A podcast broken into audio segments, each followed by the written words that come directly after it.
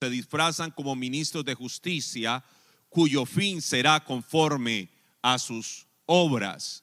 Hace algunos años me encontraba en un día muy normal eh, de atender personas.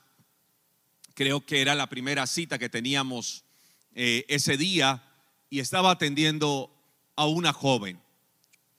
Un problema de depresión severo, un estado depresivo, ya no era ya no era un tema de, de un momento depresivo a causa de algo, sino que era un estado.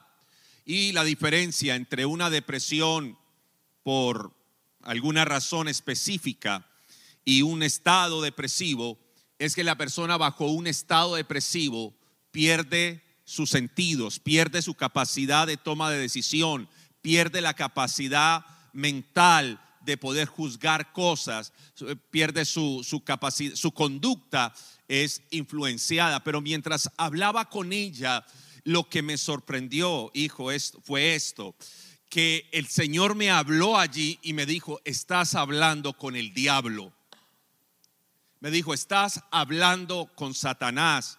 Y yo sí veía que mientras ella me hablaba, hacía algunos, algunos gestos en su boca como si fuera como si su lengua se volviera como la lengua de una serpiente.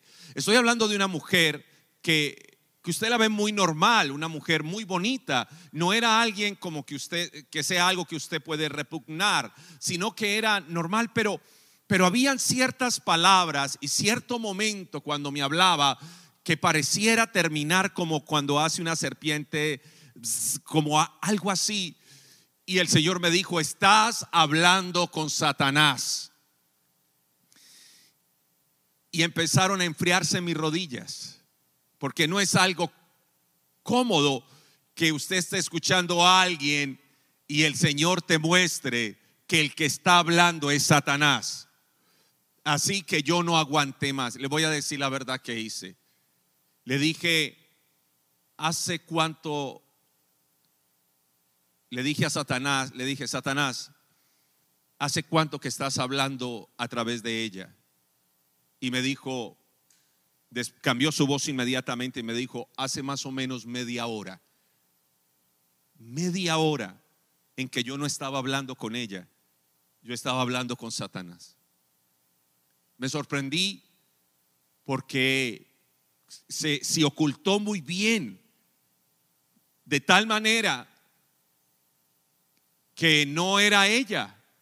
Y luego ella me dijo que en un momento dado de, su consejería, ella dejó de estar ahí media hora hablando con el diablo. La Biblia dice en primera de segunda de Corintios que el mismo Satanás se disfraza de ángel de luz. Y es que hay cosas que no se van a solucionar en una consejería, sino en una liberación. No sea que usted se haya aconsejando al diablo. A veces las personas por vergüenza disimulan la actividad demoníaca en su vida. Estamos en un seriado que se llama despertar. Cuando usted se despierta, ¿qué hace? Se estira, ¿verdad? Hágame un favor para que no lo olvide. Estírese en este momento. Estírese, please. Estírese. Dígale al que está a su lado, despierte. Vamos, despierte. Hace algunos años trabajaba en una fábrica de tortas. Abrimos la iglesia en Pereira. Yo les conté de esto, pero sirve en este momento y paralelo a la iglesia se compró una fábrica de tortas y trabajaba allí. Y en una de las madrugadas que trabajaba a las 2 de la mañana, dos y media, estaba agotado, llevaba 24 horas sin dormir, un poco más. Eh, había que entregar muchos pedidos y le dije al Espíritu Santo, no aguanto más, me voy a acostar aquí al pie del horno y yo necesito que tú me despiertes. Porque si se pasaba se quemaban las tortas y eran como 60 tortas en el momento que se estaban cocinando. Y recuerdo que eh, cumplido el tiempo de las tortas cocinarse, vino el Señor y me dijo, despierta, baja. Qué susto tan tremendo. Y me paré y era la hora exacta. Yo le dije a él que me despertara. Y fue la mejor manera porque quedé de pie para apagar el horno. Hoy, de parte de Dios, le digo, despierte. Tal vez te estás enfrentando es al enemigo. Pero la Biblia dice que Satanás se disfraza, se disfraza de ángel de qué? De luz. Entonces vamos a dejar esto en contexto. Efesios 6:12 dice la escritura. Porque no tenemos lucha contra sangre y carne. Porque nuestra lucha no es contra seres humanos, dice la nueva versión internacional, sino contra poderes, contra autoridades, contra potestades que dominan el mundo de las tinieblas, contra fuerzas, espirituales malignas en las regiones celestes. La ideología de género partió antes de la destrucción de la figura y el concepto que era la familia. Y luego de que se modificó el concepto de familia, luego que se modificó el concepto que la Biblia decía de familia, empezó a modificarse algo que era imposible, la ciencia. Era imposible modificarse o alterarse el concepto o, el paradigma o el argumento que la ciencia daba frente a la genética. Pero hoy lo imposible se volvió posible en cuanto a la ideología de, género. La ideología de género tiene como eh, primicia, como premisa, el que la sexualidad sea definida desde lo social y no desde la genética. Y eso que parece ilógico, loco y, y que no tiene sentido, empezó a cobrar sentido en algo que se llama la disonancia cognitiva. ¿Qué es disonancia cognitiva? ¿De qué color es esta camisa? Así que todos vamos a decir que la camisa es azul menos Eliana. para Eliana la camisa va a ser, pero las dos hermosas personas que tiene a su lado le van a decir que esta camisa es. Y cuando el común cuando el todo asegura algo, el particular se confunde. Y se llama disonancia porque la persona sabe que la camisa es de qué color. ¿De qué color es? Azul. La persona sabe que la camisa es de color blanca, pero como todos estamos diciendo que la camisa es, vea, ya los modifiqué. Entonces, nos sometemos a obedecer porque quien lo dice es una autoridad. Y como lo que lo dice es el gobierno, como lo que dice es un representante, como el que lo dice es el, el secretario general de derechos humanos, algo así, entonces terminamos diciendo que la camisa es de qué color. ya empieza la batalla, ya los estoy convenciendo y no llevo cinco minutos predicando. Disonancia es lo que usted ve hoy donde se alteró la genética. Pero escúcheme esto, esto no es una batalla con, no, no es la pelea contra su hijo. Póngales el versículo, Will, por favor. Dice, porque nuestra lucha no es contra seres humanos, nuestra lucha es contra poderes políticos, religiosos y económicos. Nuestra lucha es contra Usted no está peleando contra cualquier cosa. Nuestra lucha es contra potestades que dominan, dominan este mundo de tinieblas, contra fuerzas espirituales malignas en las regiones celestes. Yo no podía creer que en una niña, en una niña, en una joven, pudiera estar Satanás. Nuestros jóvenes llegan a vivir tan... Usted fue joven. ¿Cuántas cosas uno vivió que el papá no se dio cuenta? ¿Cuántas cosas yo viví? ¿Sabe a qué edad le dije a mi mamá que había sido abusado? A los 21. Para mi mamá nunca me había pasado nada, y menos a nosotros los hombres. Y había pasado por cuatro abusos a la edad de 13 años. Pero nunca. Y una de las cosas que mi madre aborreció fue, ¿por qué no me di cuenta? Los mayores abusos se dan por padrastros, se dan por abuelos, se dan por primos, se da por hermanos. Amados, nuestra lucha no es contra humanos, nuestra lucha es espiritual. Y lo que yo quiero es arrancarle la cara al enemigo. La Biblia dice en Génesis 3.1, hablando de la manipulación, pero la serpiente era astuta más que todos los animales del campo que Jehová Dios había hecho, el cual le dijo a la mujer con que Dios os ha dicho, no comáis de todo árbol del huerto. Mira el que está a su lado y dile, ¿todavía crees que es una serpiente? Vamos, pregúntale. ¿Todavía crees que es una serpiente? ¿Todavía le haces figura de que es una serpiente que caminaba? ¿De verdad crees eso?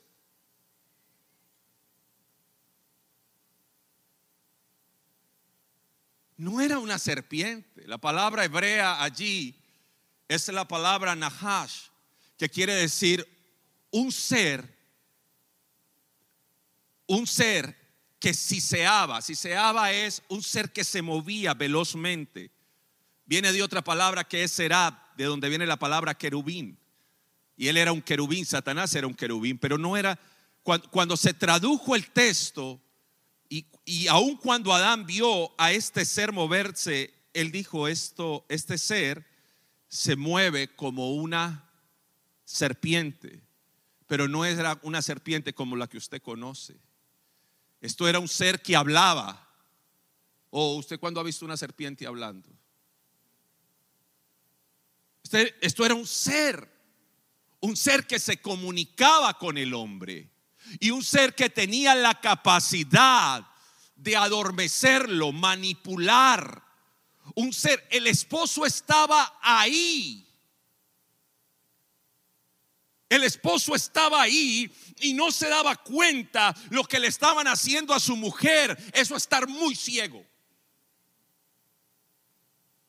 Eso es estar entontado. No sé si ese término suene bien. Eso es estar atontado, atolondrado, embrutecido.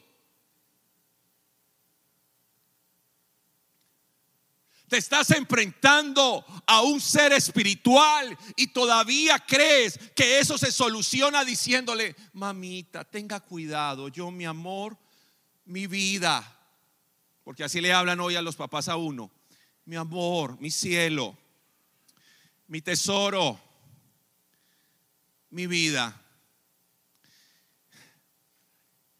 Estás enfrentándote a demonios. Te estás enfrentando a situaciones más grandes de las que crees. Y esto hay que enfrentarlo desenmascarando lo que está pasando. Preste atención cuando su hijo tenga estos cambios bruscos en su comportamiento, en su alimentación. Preste atención, ¿ha visto el cuerpo de su hijo? ¿Ha notado algo extraño? ¿Ha estado pasando? Deje que el Espíritu Santo le hable si algo está pasando y le inquiete. Y cuando le inquiete, preste atención. Hoy quiero desenmascararlo. Porque tiene una característica este demonio. Segunda de Corintios 4:4 dice la palabra en los cuales el Dios de este siglo cegó el qué, para que no le resplandezca la luz del Evangelio de la gloria de Cristo, el cual es la imagen de Dios. Le voy a decir una de las batallas más grandes con la farmacodependencia. Problema de la farmacodependencia, especialmente de la marihuana, que en algunos estados de Estados Unidos han aprobado la dosis personal, es que los jóvenes estudian cuán alto es el deterioro cognitivo a través de la marihuana. Y ellos mismos argumentan que es saludable. Ellos mismos argumentan que no es tan dañina. Y cuando yo he tenido jóvenes que atiendo a causa de farmacodependencia, tienen unos estudios tremendos acerca de ello. Y si uno no estuviera preparado para hablar con ellos, lo barren. El problema de la marihuana es más dañino el cigarrillo, pero la marihuana tiene un problema, es que es altamente adictiva y hoy especialmente la han modificado a través de marihuana líquida. Sustancia le han echado allí para que sea más adictiva, la han modificado. Y sí hay deterioro cognitivo, y sí hay pérdida de memoria temporal, y sí hay pérdida de funciones cognitivas, sí la hay. Pero ellos se argumentan en internet para mirar si es o no es. ¿Qué se el enemigo? Segunda de Corintios 3:14 dice, pero el entendimiento de ellos se embotó, porque hasta el día de hoy, cuando leen el antiguo pacto, les queda el mismo velo no descubierto. Diga conmigo esa última parte, el cual, eh, segunda de Corintios 3:14, Will, pero el entendimiento de ellos se embotó, gracias hijo, porque hasta el día de hoy, cuando leen el antiguo pacto, les queda el mismo velo no descubierto, el cual por Cristo es, vamos, dígalo, por, por el cual por Cristo es quitados. Les embota su capacidad de toma de decisión, les embota la capacidad que tienen que tienen para razonar, saben que lo que hacen está mal, saben que la persona sabe que lo que está haciendo está mal, pero lo toma. Nos hacen creer la idea de que sin tarjetas de crédito no podemos vivir. Nos hacen creer la idea que sin azúcar no podemos vivir. El azúcar es 10 veces más adictivo que la Coca-Cola. Y 10 veces más adictivo que la heroína es la dependencia en una persona.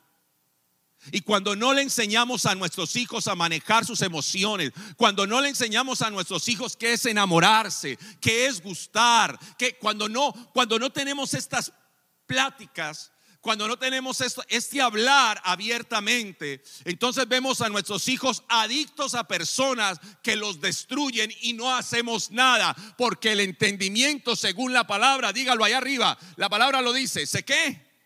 Se embotó.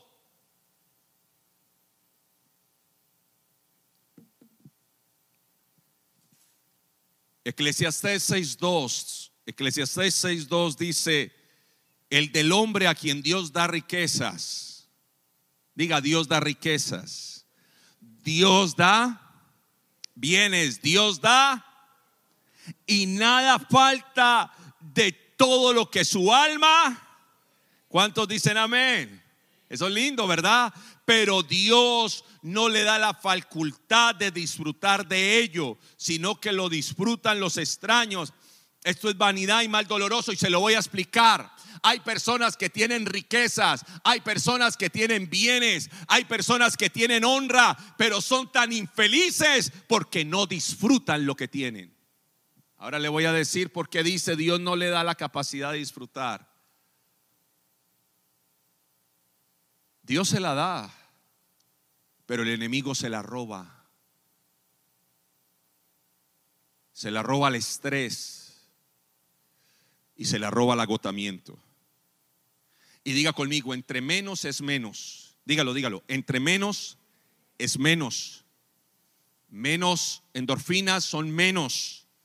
Y te roba la capacidad de disfrutar lo que tiene. Respira, por favor, en este momento. Diga gracias. Qué lindo Dios. Dale la mano a la persona que tienes a tu lado si es de confianza tuyo y dile, gracias Dios. Gracias Dios. Gracias. Quiero preguntarles algo sinceramente, míreme a los ojos. ¿Hace cuánto no disfrutas lo que Dios te dio? ¿Hace cuánto el estrés y la ansiedad te robaron todo el bien, toda la riqueza, toda la honra que Dios te dio? Hace mucho tiempo le estábamos haciendo un reconocimiento a un amigo Y todo el tiempo él tuvo la cabeza abajo. Y yo me di cuenta, yo dije, ¿por qué? Y vine a él y le dije, ¿por qué te da susto recibir honores? Y hay personas que les da miedo recibir amor. Hay personas que les da miedo recibir abrazos. Hay personas que les da miedo recibir honor, gracia. Hay personas que les da pena que le diga que son bellos, que están bien, que se ven bien. Porque lo primero que dicen cuando alguien les dice eso es, ay, qué pena. Pena la del diablo. Abra sus manos así y diga, tengo la capacidad para recibir lo que Dios tiene para mí y tengo la capacidad para disfrutar lo que Dios me da. Mírame, mírame por favor. ¿Sabe cuánta gente quisiera vivir en este país? Y usted vive aquí y no disfruta. Disfrútese una sonrisa. Regale una sonrisa al que está a su lado. Una sonrisita. ¿Sabe que eso no lo quitaron por toda la pandemia? Usted sabe, ni abrazos ni, ni sonrisas podíamos. Hoy, la, hoy, hoy podemos. Pero el enemigo te roba el gozo. Él no te puede robar la salvación. Míreme, por favor. Satanás no te puede robar la salvación. Porque la salvación te pertenece de parte de Dios. Pero te roba el gozo de la salvación. El salmista dijo, devuélveme el gozo de la salvación. Vuélveme el gozo. ¿Por qué perdió? El gozo. Ahora sí, ¿preparados? Bueno, respire pues profundo. Una manera en que el enemigo opera y se disfraza es a través del estupor. Romanos 11:8 dice, como está escrito, Dios les dio espíritu de estupor, ojos que no vean, oídos que no oigan hasta el día de hoy. Pastor, ¿qué pasó? Mis hijos no me oyen. Mi mujer no me oye. Mi suegra, no, esa tranquilos. Pero, pero mis hijos no me oyen. Mi, mi esposa, mi esposo no me oye. ¿Qué hay ahí? Vamos, dígalo, ¿qué hay? Estupor. Pastor, hablamos una cosa, nos comprometemos con ello y hacemos todo lo contrario. ¿Qué hay ahí? Dígalo. Pastor, tremenda palabra la que se dio, tremenda escritura la que se dio, no entendieron nada. Hay personas que, mire, mire mi voz, escuche esto que es tan tremendo, mire mi voz, ahora mire esta voz. Buenos días, ¿cómo están? Eso. Y una señora se atrevió a decir que no le gustan mis prédicas porque hablo muy pasito.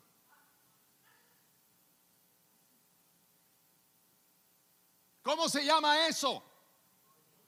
Yo, digo, no, no puede ser. Sí puede ser.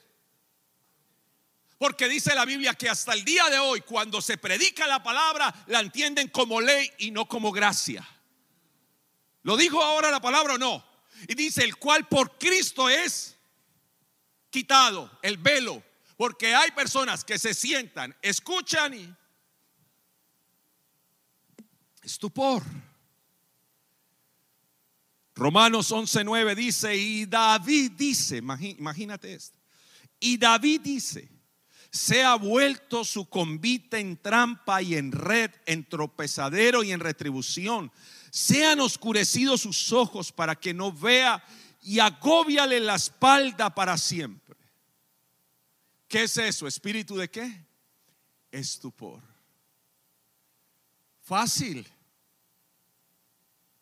Usted identifica un espíritu en su casa. Ok, vamos a hacer esto. Usted llega a su casa, identifica que hay un ladrón. ¿Usted qué hace? Dígamelo. Allá los que están en casa.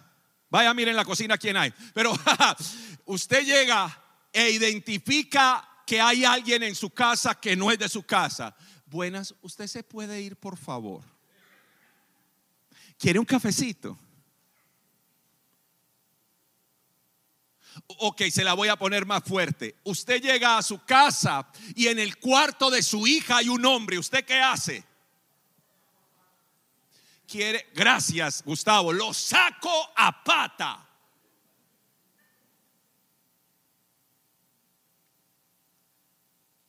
Ahora sí, ahora sí. Usted identifica esta mañana que en su casa está operando un espíritu de estupor, ¿usted qué hace? Ya vengo, voy a llamar al pastor. Voy a llamar a Beatriz, voy a llamar a Liana para que oren. Voy a llamar a Juan. ¿Quién le dio la autoridad? Vamos, ¿quién se la dio? Usted ve que hay un espíritu de estupor. Usted y sus hijos no se entienden usted y su esposa no se entienden. Uh, eso ha sido de toda la vida. eso es estupor. ¿Qué tienes que hacer? Vamos, dígamelo, ¿qué tienes que hacer? Eh, eso es, reprenderlo. En el nombre de Jesucristo se cae este estupor. Vamos a ver, vamos a entender, vamos a comunicarnos y vamos a ser claros. Primera careta del enemigo, primera cara, se la quitamos. ¿Cómo se llama eso? Estupor. Mira, te pones a ver Netflix, todo el tiempo sus ojitos son así. La esposa pasa hasta en bikini y usted es así. Pero escuchar la palabra, te sentás y de una empieza a llamar al pastor. ¿Cómo se llama eso? Solo es que usted empiece a orar y empieza a curar.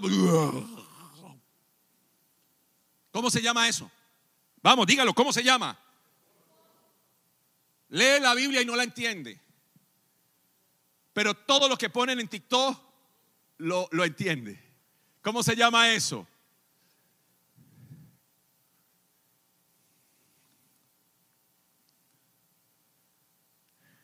Número dos, doble ánimo. Diga conmigo, bipolar. ¿Cómo se dice bipolar en inglés? Eso. Santiago 1.8. El hombre de doble ánimo es inconstante en todos sus caminos. Repítalo. El hombre de doble ánimo es inconstante en todos sus caminos se anima para, hagámosle listo. Una hora después, voy a explicar qué es ser bipolar. El bipolarismo es una deficiencia a nivel cerebral, pero ya le voy a explicar algo importante de esto. Donde hay una alteración a nivel de serotonina y dopamina. La serotonina nos activa, la dopamina nos Usted está dopado, usted está somnoliente, usted quiere dormir. Pero ante estas cosas las personas tienen dos comportamientos. El primero es muy histriónico, estalla por todo. Y en el segundo unos picos depresivos horribles. Y tiene que ver con los estados de qué? De ánimo. Pero hay cosas que son espirituales de repente estás bien, tienes todo, estás bendecida, estás bendecido y te viene una depresión que no entiendes por qué y se pone a llorar. Como dice la canción, déjela llorar, déjela que llore. Y unos estados, oh, escuche esto, yo sé que en el ciclo menstrual a usted le da ira. Ah, es todo. Yo sé, pero de repente a usted le viene una ira que no sabe por qué. Ve al gato y lo mira como una salchicha. Lo quiere picar. Le da una ira con su marido. Una ira que él no está haciendo nada. Y ahora usted porque está irada. Yo no estoy haciendo nada. Por eso. me voy, malo, se queda, malo, bipolar. Y te das cuenta que no es por una deficiencia de dopamina o serotonina. Estás teniendo un ataque demoníaco en tu vida. Y no te das cuenta que hay cosas que están influenciando tu vida. Y usted cree, diga conmigo, no es normal. Diga, no es normal. Yo puedo entender, yo conozco muy bien el tema de lo que le hablo. Estudio ello todos los días. Ahora que acabo de terminar una certificación en deterioro cognitivo por COVID, el cerebro de la gente se puso más chiquito. Todos los que entraron a UCI, la mayoría, en un 70%, se ha proyectado que sufrirán de deterioro cognitivo, de Alzheimer. Entonces no era la vacuna, era el COVID. Pero la gente le tenía miedo, ¿era qué? Pero la vacuna no es, es, el COVID. Pero eso es otro tema. Pero te das cuenta que tus estados de ánimo suben y bajan más que el dólar. Me salió bien. Ya no es normal. Y cuando le venga esa depresión, ¿dónde estará la ritalina? No. Mueva al que está a su lado, dígale, no. Es un ataque demoníaco. ¿Sabe cómo se soluciona eso? Repréndalo. Diga en el nombre de Jesucristo. Vamos, dígalo. En el nombre de Jesucristo. Esta ira no es normal. Vamos a hablar de una ira normal. Si le atraviesa a alguien en la 66. ¿Normal o no normal? ¿Ve usted que un hombre le está pegando a una mujer? ¿Normal o no normal? Eso es normal, ¿cierto? Usted ve que una mujer le está pegando a un hombre. Ah, no, perdón, esa no, esa se la valen. Pero que, pero, pero que, eso no, hay una ira que Jesús se airó o no. Sí. ¿Estaba endemoniado? No. Pero que usted está en su casa, día domingo, pantaloneta, con la bata matapasiones, sentada viendo Netflix, y que le dé ira, eso ya no es normal. No, eso no es normal. Amados, hay cosas que son espirituales y vas a tener que reprender eso en el nombre de Jesús. No pasan una semana sin discutir en su casa. No, ¿cuál semana? Eso es mucho. Estoy siendo bondadoso en esta mañana. Un día. Y no pelean y dice, ole gordo, no peleamos. ¿Y quién va a pelear con usted? No, pues entonces no quiere pelear. Ya pelearon. Diga conmigo, no es normal. Vamos, vamos, dígalo, dígalo, no es normal. Usted se ríe, pero quiero verla riéndose cuando esté peleando con el marido.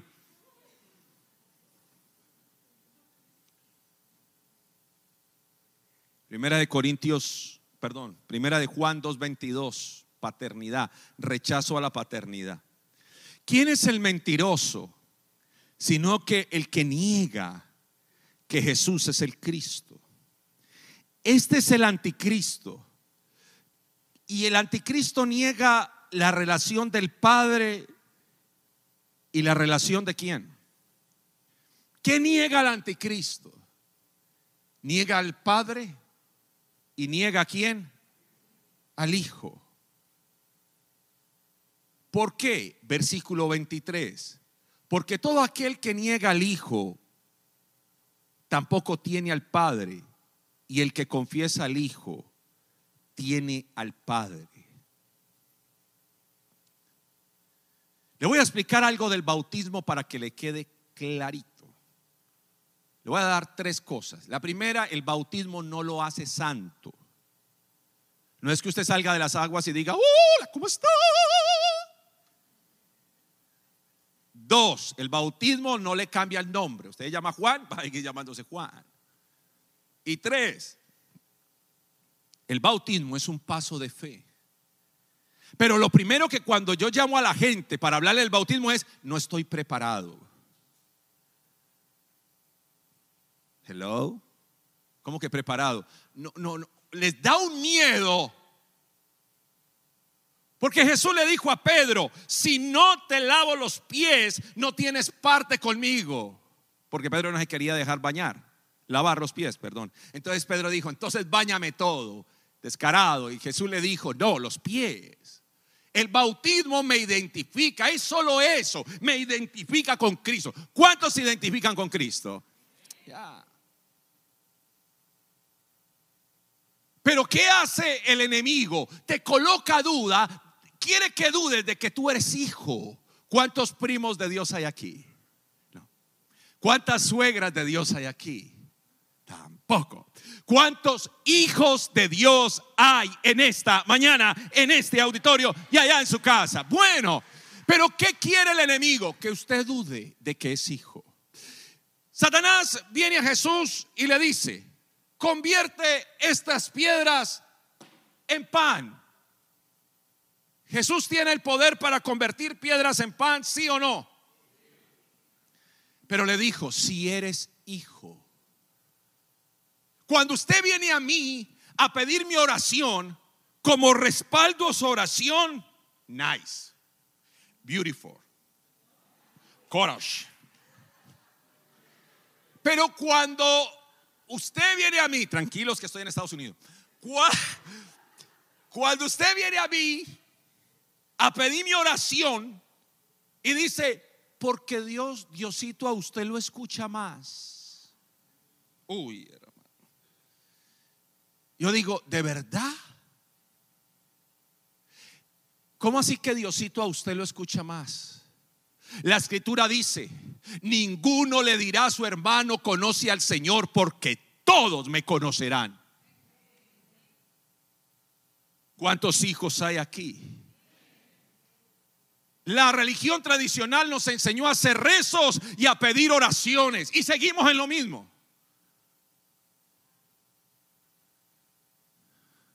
Me han llegado a decir, ay, Dios me mostró que usted tiene que ayunar por mi suegra. ¿Quién tiene que ayunar? Vamos, dígalo, ¿quién tiene que ayunar? Eso, ponga la manito en el pecho, diga, yo, así como argentino, yo, usted es el que tiene que ayunar. ¿Cuántos hijos de Dios hay en este lugar? ¿Cuántos tienen poder de Dios? ¿Cuántos tienen el Espíritu de Dios? ¿Cuántos tienen la palabra de Dios? ¿Cuántos tienen la sangre de Cristo? ¿Cuántos tienen ángeles a su alrededor?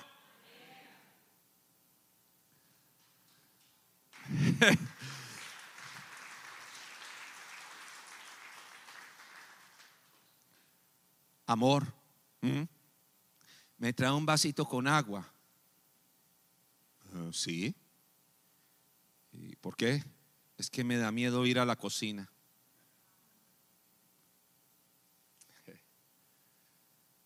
Venga, no, en serio. Usted sabe, eh, a ver, a ver, yo le explico. Los demonios le tienen miedo a usted. Dígale al que está a su lado eso. Dígaselo en inglés, por favor, ahí a mi discípulo. Los demonios le tienen miedo a usted.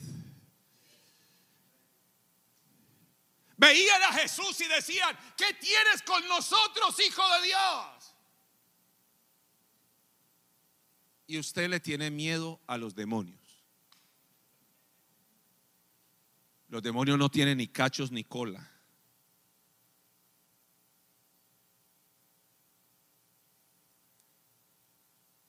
Usted tiene una autoridad que Dios le entregó. había una joven, estábamos en una liberación, y se movía como serpiente, tan rápido que daba miedo. Y los jóvenes que estaban en ese campamento tenían un susto. Y rápidamente le dije a dos servidores, tómenla, llévela a ese cuarto. La tomaron y se seguía moviendo en el cuerpo encima de ellos. Cuando la metimos al cuarto, uno de los servidores fue a prender la luz y le dije, no prenda la luz cierren la puerta. Así que ese lugar estaba oscuro. Y empezamos a reprender y el demonio empezó a decir, prendan la luz.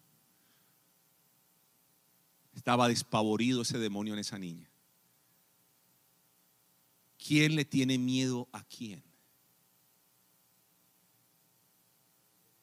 El miedo, una reacción normal a lo incierto o a lo que usted no conoce o ante un recuerdo traumático, tiene miedo de eso o porque especialmente es un, tema de seguridad. Usted se sube en lo alto y usted siente miedo, creo que se llama agorofobia, el miedo a las alturas. Pero hay, hay una cantidad de miedos que son irracionales. Una persona es capaz de viajar en un avión de aquí a Miami, pero no es capaz de ir de aquí a Israel. ¿Por qué? Porque me da miedo que se caiga el avión. Entonces pregunto, ¿y de aquí a Miami por qué no? Porque es más cortico.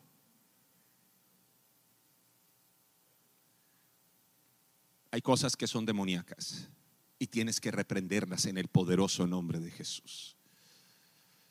Así que en esta mañana yo le estoy dando herramientas para que usted entienda quién es en Dios.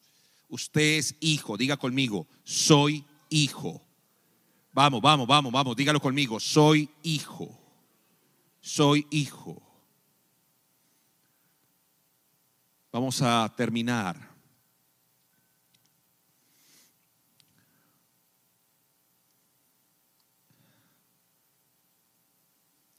Vamos a ir al último punto, Will, agotamiento.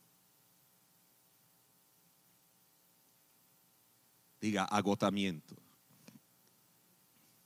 Diga osteoporosis. Diga agotamiento. Inflamación del vaso y del colon. Diga agotamiento. El enemigo Ah, y diga, diga la palabra brujería, dígala, dígala para yo enseñarle.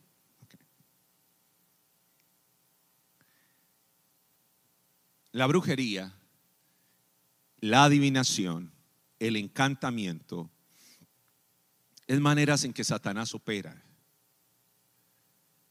Increíblemente, mientras usted mentalmente sea fuerte, emocionalmente fuerte, espiritualmente fuerte, el enemigo no tiene nada que hacer en, usted. Entonces lo agota. La Biblia dice que el Señor le dijo a Faraón, deja ir a mi pueblo a que me adore. Y de una el enemigo dijo, hey, están ociosos, póngale más carga. Póngale más carga. Pastor, dígame, es que no quiero trabajar más para personas, voy a trabajar para mi, para mi propia cuenta, voy a, voy a montar mi propia empresa, le voy a servir a Dios, voy... Dos años después, agotado, quemado, rostizado. Se llama síndrome de Burnout. Rostizado, que se quemó, agotamiento. Y cuando usted está agotado, Satanás lo puede atacar más. Las peores pesadillas se dan cuando usted está más agotado. El enemigo ha buscado agotarlo. Agotarlo. Míreme por favor. Y se lo digo de parte de Dios. El problema de nuestra generación es que vive agotada, sin energía, sin fuerzas. Y yo no sé cuántos han estado agotados, pero usted siente que su cansancio, es más, usted se acuesta, se levanta con el mismo cansancio. Eso no es normal. Porque la Biblia dice que al amado Dios le da el sueño para que repose. Pero usted no está descansando. Pastor, ¿qué hago? ¿Qué, ¿Qué, me tomo para descansar? Usted necesita descansar y el primer descanso es en las manos de papá. Cuando usted se acuesta, dígale, papá, yo no duermo en las manos de ningún demonio llamado Morfeo. Yo duermo en las, yo duermo en las manos de mi Padre Celestial. Con sus plumas te cubrirá y debajo de sus, de sus alas estarás seguro. Salmo 31, 10 dice, porque mi vida se va gastando de dolor y mis años de suspirar se agotan mis fuerzas a causa de mi iniquidad y mis huesos se han vuelto osteoporosis. Iniquidad, míreme, todo lo que sus papás, sus abuelos y las generaciones pasadas sembraron en usted. Diga conmigo, hoy se rompen iniquidades de enfermedad, iniquidades de ruina, iniquidades de demencia, iniquidades de ira. Vamos, diga, hoy se rompen. Toda iniquidad en mi vida. De modo que si alguno está en Cristo, nueva criatura es. Las cosas viejas pasaron. Todas son hechas nuevas. Naún 2.10 dice la palabra. Naún, Naún 2.10. Vacía, agotada y desolada está. El corazón desfallecido. Temblor, dolor, rostros vacía, agotada, desolada. El corazón como está. El temblor de qué? El dolor en dónde. Le hago una pregunta. ¿Usted cómo se ha estado sintiendo? ¿Usted cómo se ha estado? Mira, escucha lo que está diciendo la Biblia. Que hay gente que se siente como.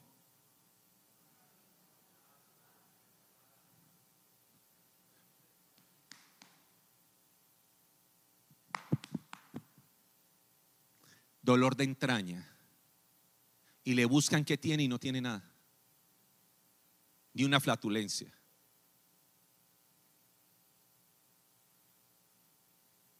Hay cosas que son demoníacas. Éxodo 17, 11 dice la palabra, wow, se ha ido el tiempo, disculpe por favor. Y sucedía que cuando alzaba Moisés su mano, Israel prevalecía, mas cuando bajaba su mano, prevalecía Malek. ¿Y qué tienen que ver las manos? Levante las manos, por favor, y cerremos la predicación. ¿Qué tiene que ver levantar manos y bajar manos? Agotamiento. De eso se trata. El enemigo busca agotarte. Así que yo tengo dos palabras proféticas para esta casa y cierro con esta palabra. Romanos 8:11. La va a leer y la va a profetizar. Le va a poner la mano al que tiene a su lado. Póngasela para que cerremos la palabra. Y si el espíritu de aquel que levantó de los muertos a Jesús mora en vosotros, el que levantó de los muertos a Cristo Jesús, vivificará también vuestros cuerpos mortales por su espíritu que mora en vosotros. Ok, Señor. Dice el Señor que lo repitamos dos veces más. Y si el espíritu de aquel que levantó de los muertos a Jesús mora en vosotros, el que levantó de los muertos a Cristo Jesús, vivificará también vuestros cuerpos mortales por su espíritu que mora en nosotros. Una vez más, y si el espíritu de aquel que levantó de los muertos a Jesús mora en nosotros, el que levantó a Jesús de entre los muertos, vivificará también nuestros cuerpos mortales por su espíritu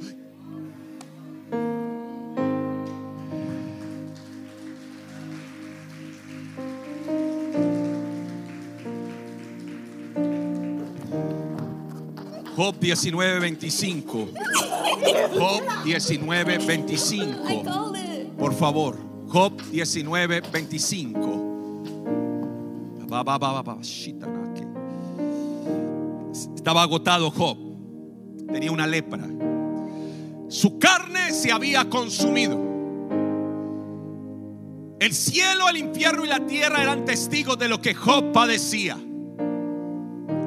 Llegó un día la meta era que maldijera a Dios y se muriera. Pero llegó un día, el día del grito de la independencia, el día en que este hombre tendría que decidir si alababa a Dios o moría. Y dice la palabra que en medio de su dolor, en medio de su angustia, en medio de su quebranto, Job levantó un clamor y dijo, yo sé que mi. Yo sé que mi redentor vive. Yo sé que mi redentor vive.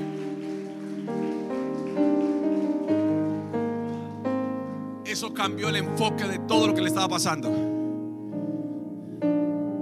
Y el dolor que vivía ese hombre se transformó en una alabanza. Y luego Dios le responde desde un torbellino capítulos después. Dice, hablemos porque Satanás lo que busca es que usted sea parte de Dios. Satanás lo que busca es que usted reniegue de Dios.